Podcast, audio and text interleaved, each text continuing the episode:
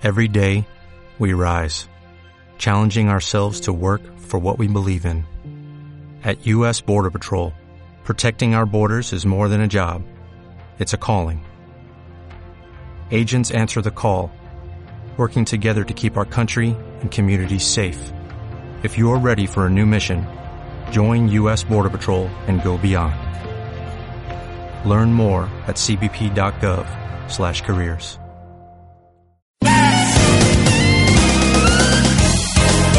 95.2 Ràdio.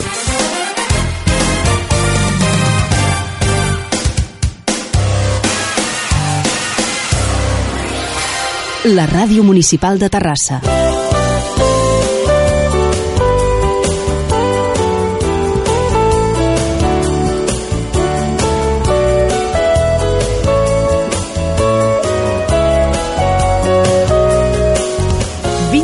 a prop teu, amb Enric Carreras Puigbó. Benvinguts i benvingudes. Estem encantats que puguem celebrar plegats novament els 20 anys d'aquesta casa, de la Ràdio Municipal de Terrassa. Ja sabeu que setmanalment estem elaborant un programa per reviure sensacions, vivències i històries d'aquestes dues dècades intenses de ràdio. I ho fem amb diverses seccions, però sobretot a través del testimoni directe dels seus protagonistes, del testimoni de persones que des d'àmbits diversos han contribuït a fer d'aquesta emissora un referent en l'àmbit de les ràdios locals. Al programa d'avui tindrem un convidat il·lustre, una persona que presenta un dels programes més veterans de la ràdio a Catalunya, Milongueando, que fa 30 anys que és en antena. Ens referim a Roberto Daus. En Roberto és una persona polièdrica amb la que d'aquí una estona podrem parlar de moltes coses.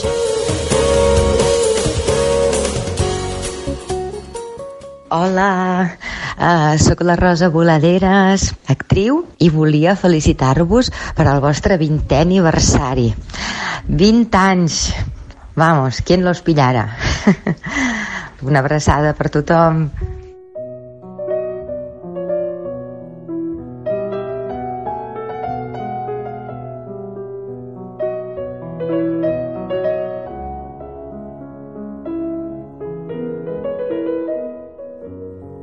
Pel que fa a les masses, els extraordinaris canvis d'opinió que s'esdevenen a cada instant, les emocions que poden obrir-se i tancar-se com una xeta, són el resultat de la hipnosi a les que les sotmeten els diaris i la ràdio. George Orwell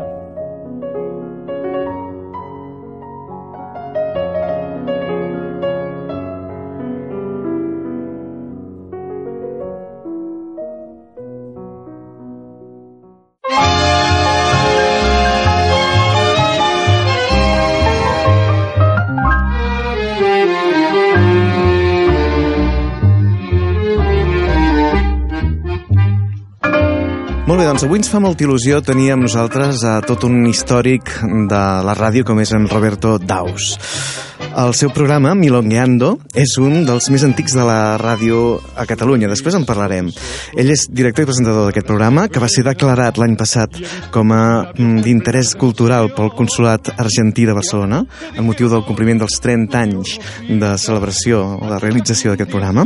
Roberto Daus és també membre de l'Acadèmia Nacional de Tango de l'Argentina, ha estat guardonat per la Societat d'Autors i Compositors de Música Argentina, és autor de llibres com El Tango, Medio Siglo en Imágenes, Carlos Gardel en Imágenes, ha estat director del segell discogràfic El Bandoneon, i hi ha també una faceta seva que potser no és tan coneguda però que és igualment interessant, i és que és un pintor notable. La seva última col·lecció, que porta el nom de 20 catalans de la història, i després d'estrenar-se aquí a Catalunya, anirà a l'Argentina, anirà al Casal Català de, de Buenos Aires. Uh, realment, uh, Roberto, tu ets una persona molt, molt polifacètica. Suposo que això et deu ajudar molt també a l'hora de fer ràdio, ¿no? El fet de tenir aquesta visió tan calidoscòpica de, de la realitat. Sí, o sea, eh, está basado, bueno, gracias ante todo por, por invitarme, pero está basado fundamentalmente en un espíritu medio curioso que uno tiene, ¿no? Mm. O sea que eh, siempre desde chiquito me, me interesaban las cosas y, Y, y también es, eh, tiene su parte positiva y su parte negativa, porque cuando llegas a dominar un tema, lo abandonás. Y pasás a otro, ¿no? Pero bueno, eso sí, te da, te da una amplitud de, te, te abre un abanico en la vida de cosas que, por ejemplo, este tema de la pintura, yo había hecho Bellas Artes en mis años mozos y con 17, 18 años dejé la carrera de Bellas Artes para iniciar otras carreras y, y bueno, y siempre decía, ¿no? Cuando sea viejo voy a volver a pintar, ¿no? y, y, cuando cumplí 69 años, una amiga me regaló una caja de óleos, dos telas y un caballete. Y dije, bueno, es el momento. Me jubilaba, o sea que va, empecé a pintar y, y bueno, y un poco a, a, a recuperar esa parte. Eh, el, el, es, ese panorama que te hable, es, es, la curiosidad que uno tiene, lo que tuve desde, desde pequeño, bueno, és la que te permite hacer todas estas cosas ¿no? que uno mm -hmm. hace. Com dèiem, el teu programa Milongueando és ja un clàssic de la ràdio a, a Catalunya. Com va iniciar-se aquesta aventura? Sí, es un clásico y es el programa decano en Europa. No hay un programa de 30 años de, de vida radiofónica, menos que en un género musical como uh -huh. que no es propiamente de Europa, ¿no? O sea que pero aunque sí el tango es un, ya un, valor internacional en, dentro de la música, pero bueno, no es una música europea.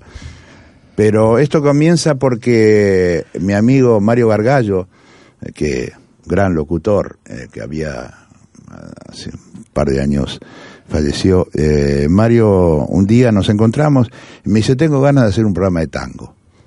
Y le digo, bueno, me invitarás a hacer un micro dentro de tu programa con, con un tema de Gardel y lo comento. Sí, sí, sí, sí, bueno, ahí quedó. Y a los dos, tres meses me llamó y, y estaba la posibilidad de hacerlo, eh, de comenzarlo en Radio Miramar de, de Barcelona y allí comenzamos los dos él hacía un poco el papel que me preguntaba cosas, no fue solamente el tema de Gardel, después ya eh, tuve que aportar mi parte de, de, mi discografía, porque evidentemente no era fácil tampoco encontrar, eh, pero yo tenía mucha discografía eh, a título personal, y bueno, y así empezamos a hacer milongueando, hasta que, que bueno, un día me dice, mira, eh, dice, a mí me cuesta venir de Casteldefels, donde vivía, a a Barcelona los sábados a la noche, de 11 a 12 de la noche, corto si bien tengo amigos en casa. Dice, no te, no te molesta si lo, si lo haces solo. Digo, no, no, ningún problema. I a partir d'ahir hasta ara... I ara tenim uh, l'honor de poder dir que aquest programa es realitza des de la Ràdio Municipal de Terrassa, des d'aquests mateixos estudis, i que després, uh, diguem, s'exporta a la xarxa de, de ràdios, juntament amb altres programes d'aquesta casa, com Jazz Club, Jazz FM i el, i el Picalletra. Mm. Mm, et fa il·lusió aquest tema de, de centralització una mica de, de, de, sí, de la, nueva, la, la tecnología ¿no? realmente para mí es un fenómeno nuevo, ¿no? Uh -huh. Como para tanta gente de mi época de radio, ¿no? Eh, pero es un fenómeno realmente de agradecer, porque enterarte que te escuchan en Nueva Zelanda, eh, o que tenés audiencia en Estados Unidos o en, en Inglaterra, en Argentina por supuesto, pero y a través de las redes, como el programa se cuelga toda la semana, uh -huh. eh, bueno, mira, de, tenés respuestas de diferentes partes del mundo y no deja de causarte una ilusión, ¿no? Uh -huh. De decir, bueno, mira dónde llego, ¿no? Y tenemos que Milongueando eh, oyentes en Nueva Zelanda, ¿no? Detectados en Nueva Zelanda, digamos, imagínate. Llegint els cronistes, ens assabentem que en el seu moment Barcelona va ser considerada com la tercera ciutat mundial del tango. Sí, en jo quin dic... sentit? Potser perquè hi havia una comunitat eh, argentina molt nombrosa? Per què no, es va no, donar no, això? no, no, no, al contrario, no, no, había, no había comodidad, no, no, no, no, había. Eh, pero hay muchas curiosidades en el, en el fenómeno de las relaciones entre Argentina y Cataluña. Eh, no, no había. Lo que pasa es que se produce un fenómeno. Barcelona, ciudad portuaria. Eh, que es una esponja dire directamente, ¿no? Que absorbe como fue Buenos Aires, como fue Marsella en su momento. El tango, por ejemplo, a Francia entra por Marsella, no por París. Uh -huh. eh, claro, que era donde llegaban los barcos, no claro, había aviones. Claro. Uh -huh. Entonces, eh, estas ciudades portuarias facilitan es, esa, esa fusión de culturas, ¿no?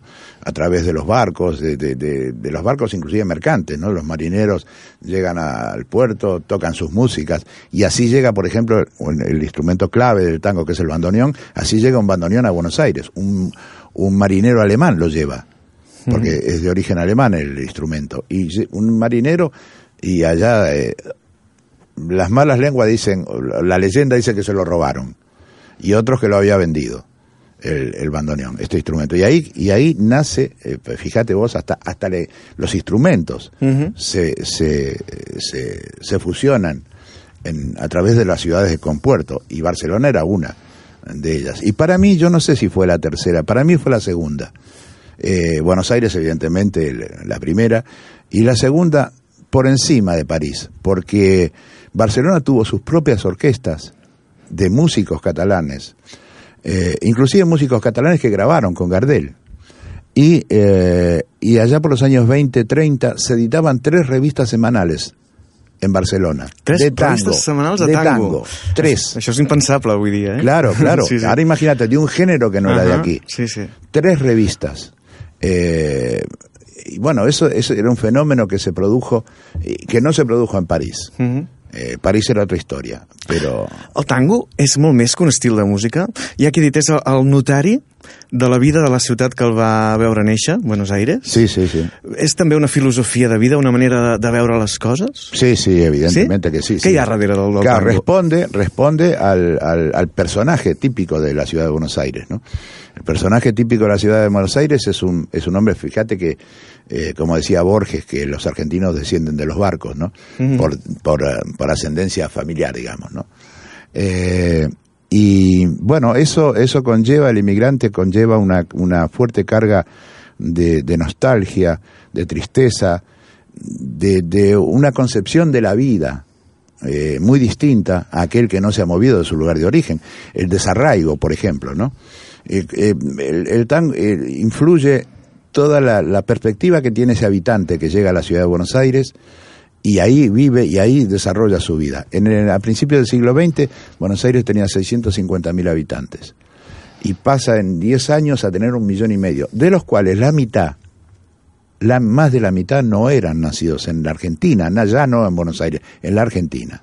Imagínate, eso fue un crisol de culturas y, hizo un personaje muy peculiar. El, hombre de Buenos Aires es un tipo muy peculiar. Molt diferent a la resta de- d'argentins? Del resto argentino y de América. Y de América. Y de América. Ah, sí. De América. Eh, de- Buenos Aires fue un fenómeno como el de Nueva York eh, en cuanto a, a absorción de, de, Mm.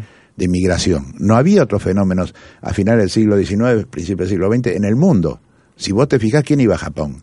La gente iba o a Nueva York, y fundamentalmente europeos, o bien a Buenos Aires. Eran lo- los dos puntos. Pols, no? Sí. Claro, y. París tenía gente de Europa.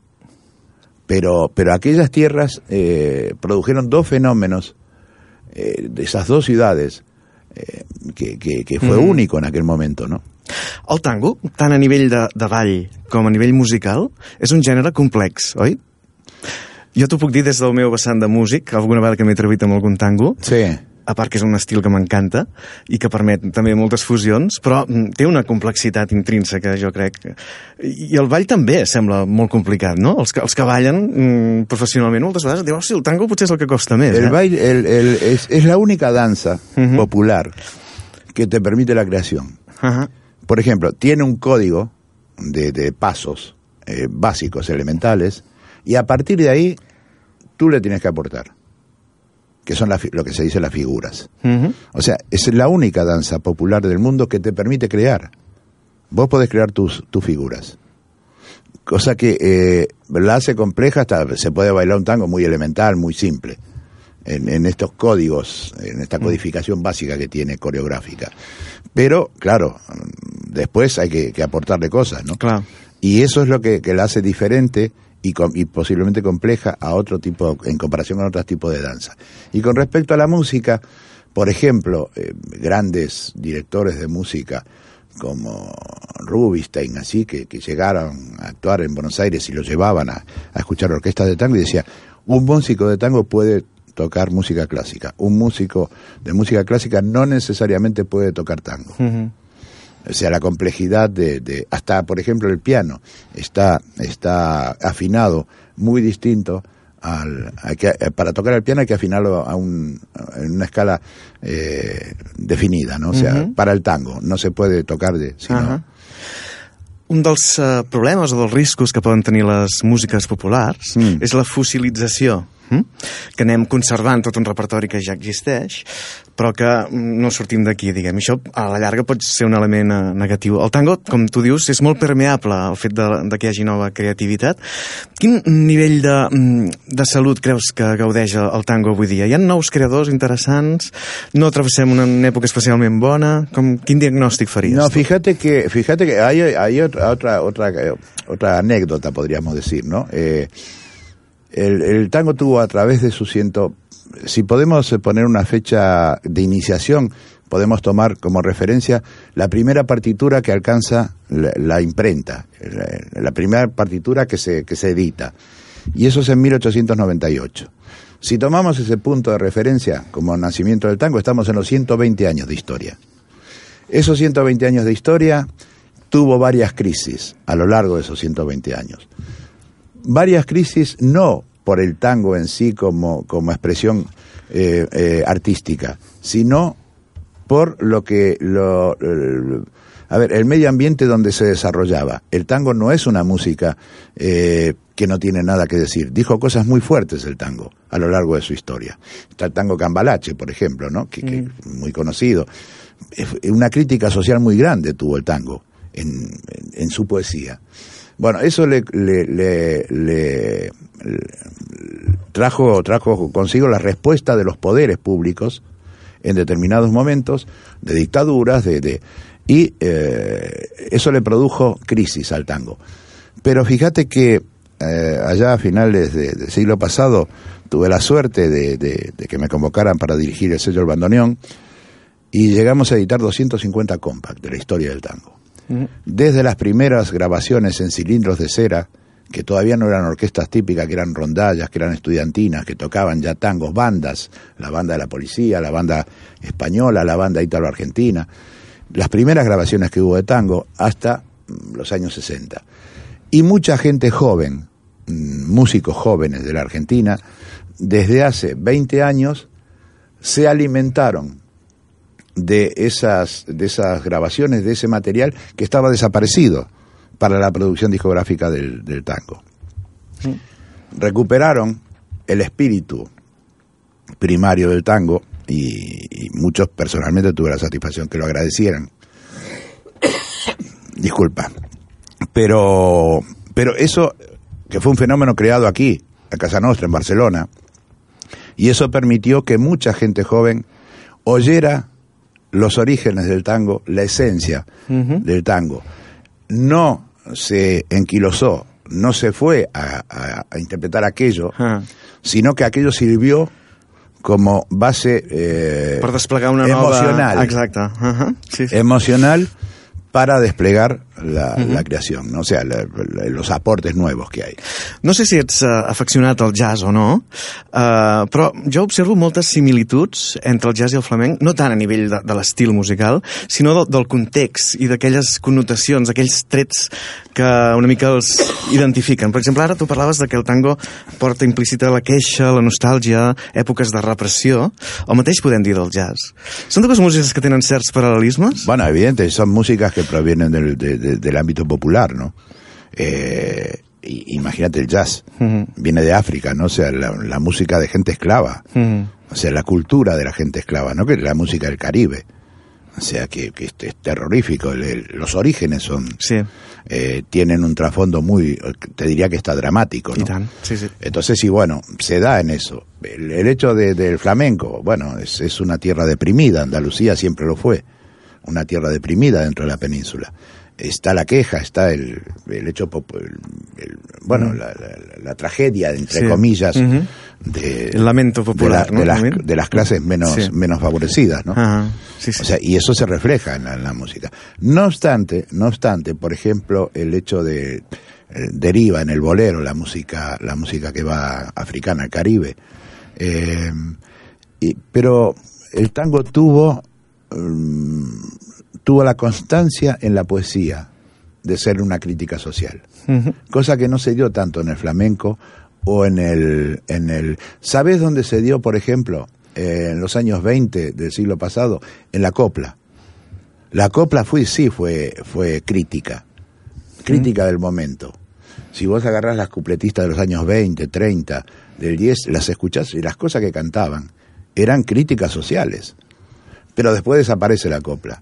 Y las músicas que se, que se desarrollaron más a nivel internacional, como el jazz, como el tango, como el flamenco, eh, el jazz no tiene una poesía eh, dura, o sea, Ah. crítica, es más música Sí. que... que, que Acaba pesant més Falta la poesia, música no? que no passa, exacte, sí, sí. Tu ets una persona molt il·lustrada, ets, eh, podríem dir, un intel·lectual.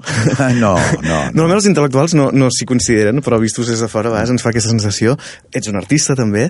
Uh, um, suposo que et dol veure que uh, la cultura mm, és tan poc uh, protagonista, avui dia, als mitjans de comunicació, sobretot en les hores més centrals de la programació, no? Mm, creus que, que realment aquí tenim un dèficit important?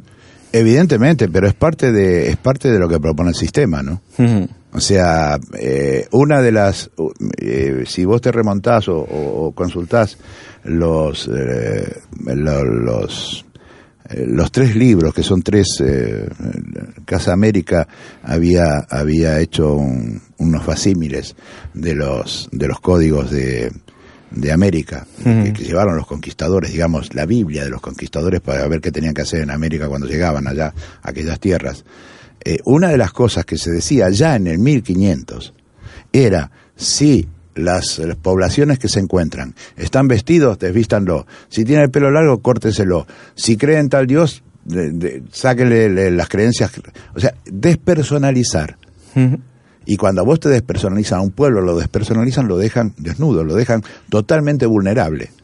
O sea que de aquellos tiempos ya venía, desde la conquista, y hoy estamos viviendo una conquista, no es como aquella, por supuesto, Mm. pero estamos viviendo una conquista. El mundo siempre estuvo eh, con esa amenaza de, de- de intereses determinados que trataban de conquistarlo, ¿no? Y hoy estamos en una de esas también.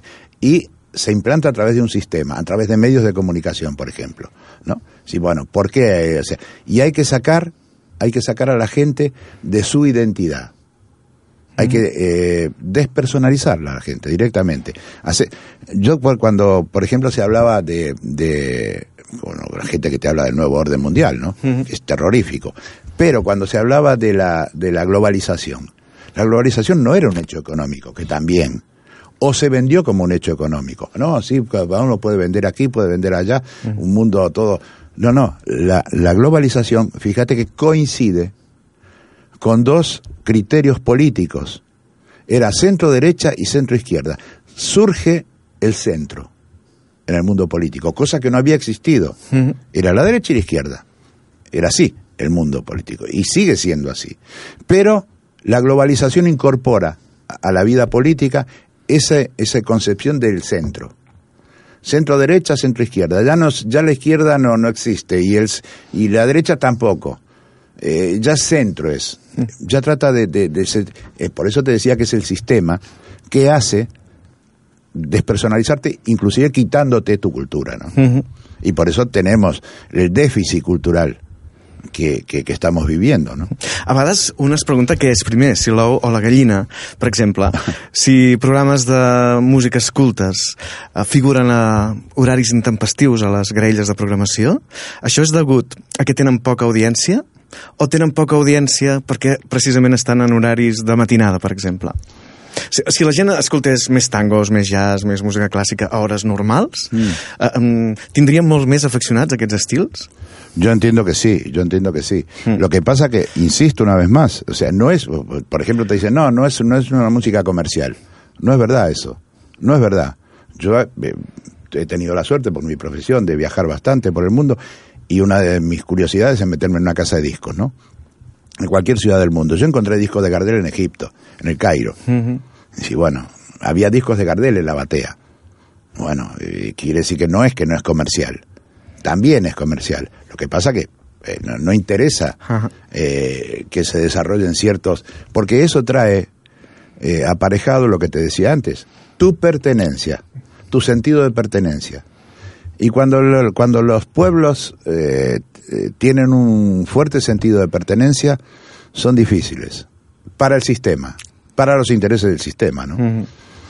Eh, y eso hace que, que- que vayamos perdiendo eh, la- nuestra cultura o que nos quieran hacer perder nuestra cultura. Por suerte, insisto, me parece, y que te lo comentaba anteriormente, estos músicos argentinos que, que tuve algunos suerte de conocer y que te agradecen porque mamaron, podríamos decir, de las fuentes del bandoneón. Eh, que fue un material que se recicló todo de coleccionistas, porque eso no existía ya y gente, amigos, coleccionistas que, que habían guardado todo ese patrimonio cultural. Lo han rescatat d'alguna Eh, no? Se remasterizó todo en Europa. Fue un trabajo muy arduo, muy grande, eh, del cual estoy muy, muy satisfecho y muy, muy agradecido que me hubieran permitido hacerlo. Pero eh, te dicen, no, no, fuimos ahí a, la- a beber de la, a mamar de las bases, ¿no? De, de, de las esencias. Anem esgotant el nostre temps, però voldria fer-te una darrera pregunta. Què té la ràdio que resulta tan addictiva? Oient com pel que No, a mí, a, a mí, a mí sinceramente yo tuve oportunidad de hacer televisión en algunos momentos, pero me gusta más, me gusta mucho más la radio. Me parece más intimista, ¿no? Eh, o sea, yo no tengo la, la audiencia, bueno, vos- tú también haces radio, no, no tenemos la audiencia ahí, pero de alguna manera nos estamos dirigiendo a ellos, los, los, los, los visualizamos, ¿no? Es como si estuvieran, como estamos hablando ahora tú y yo, ¿no? Así, de la misma manera, con esta naturalidad, con esta tranquilidad, eh, es, es el diálogo, ¿no? Es, es- hay un, un hecho intimista que no te permite, por ejemplo, otro medio como la televisión, ¿no? Molt bé, doncs, uh, Roberto Daus, uh, ens ha agradat moltíssim poder comptar amb la teva presència avui, poder escoltar les teves uh, reflexions sobre coses molt diverses. Hem parlat de música, hem parlat una mica de sociologia, d'història, d'economia, de filosofia, i és que el nostre convidat d'avui és un pou de, de ciència, d'aquells que podria mm, fer entrevistes llarguíssimes perquè li preguntaríem moltes més coses. Però I- el temps és el que és. Y yo quiero agradecer eh, a esta casa porque en un momento difícil de la historia de Milongueando fui rescatado. Cuando íbamos a cumplir 25 años de, de historia del programa, fui rescatado por, por el buen amigo Jordi Young y el querido amigo José María Francino, eh, que para mí es el padre del salvador del programa por dos veces en la historia de Milongueando. En Francino? Sí? Sí, pero bueno, yo voy a estar eternamente agradecido a ellos y por supuesto a esta casa que, que fue la que me- me permitió que Milongueando haya llegado a los 30 años. I nosaltres encantats de tenir a la nostra graella tot un històric de, de la ràdio a Catalunya com en Roberto Daus. Moltíssimes gràcies i fins a una altra ocasió. Gracias a vos, un abrazo a toda tu audiencia.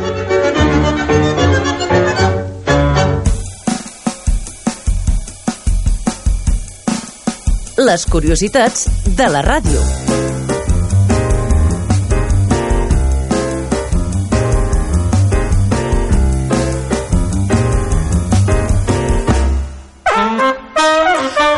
Totes les professions acostumen a tenir el seu argot característic i com no podia ser d'altra manera, això també succeeix en el periodisme i més concretament en el món de la ràdio. Avui repassarem alguns d'aquests termes. Escaleta. Quan ens referim a l'escaleta, no fem referència a cap element arquitectònic. L'escaleta és el guió del programa. De fet, és un element essencial, una mena de bíblia.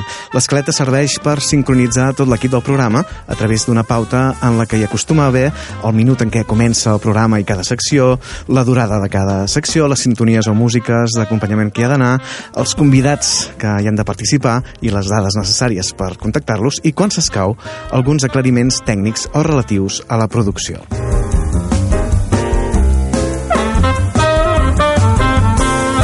Notícia embargada. No confondre les notícies de nevera, per exemple, amb les notícies embargades. Quan una notícia està embargada, se'n restringeix o prohibeix la publicació i difusió. Això pot justificar-se per diferents motius, com ara la protecció de la privacitat, la protecció de negocis o especialment per raons de seguretat nacional o d'ordre públic. L'embargament sol ser només temporal. Pot passar que algun mitjà l'incompleixi, però es confia en l'ètica deontològica dels professionals del periodisme, com en el cas de l'Off the Record.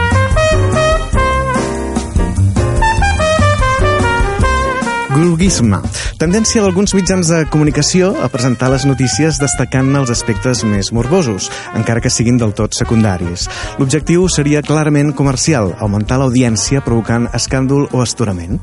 Un bon exemple seria Telecinco o El País, que abans era un diari de veritat. Els culpables, en última instància, del groguisme són els consumidors de la informació. Si castiguéssim aquestes pràctiques amb severitat, marginant aquests mitjans, la morbositat no vendria.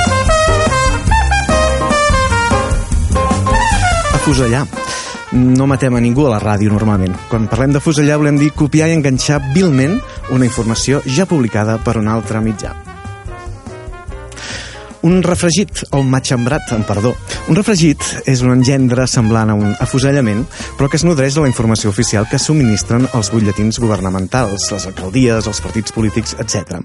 De vegades, els periodistes especialitzats en això se'ls dona el mal nom de refregidors. Galàpago és un terme que s'utilitza sobretot entre els periodistes sud-americans de parla hispana. La definició que en fan és tan bona que la llegirem en l'idioma de Cervantes. Término utilizado para referirse a todo tipo de personajes pavosos e insoportables. Se encuentran en todos los ámbitos, pero donde más abundan es en la fuente política. Son pantalleros, afanosos por emitir sin consideración alguna cualquier opinión poco importante o nada noticiosa.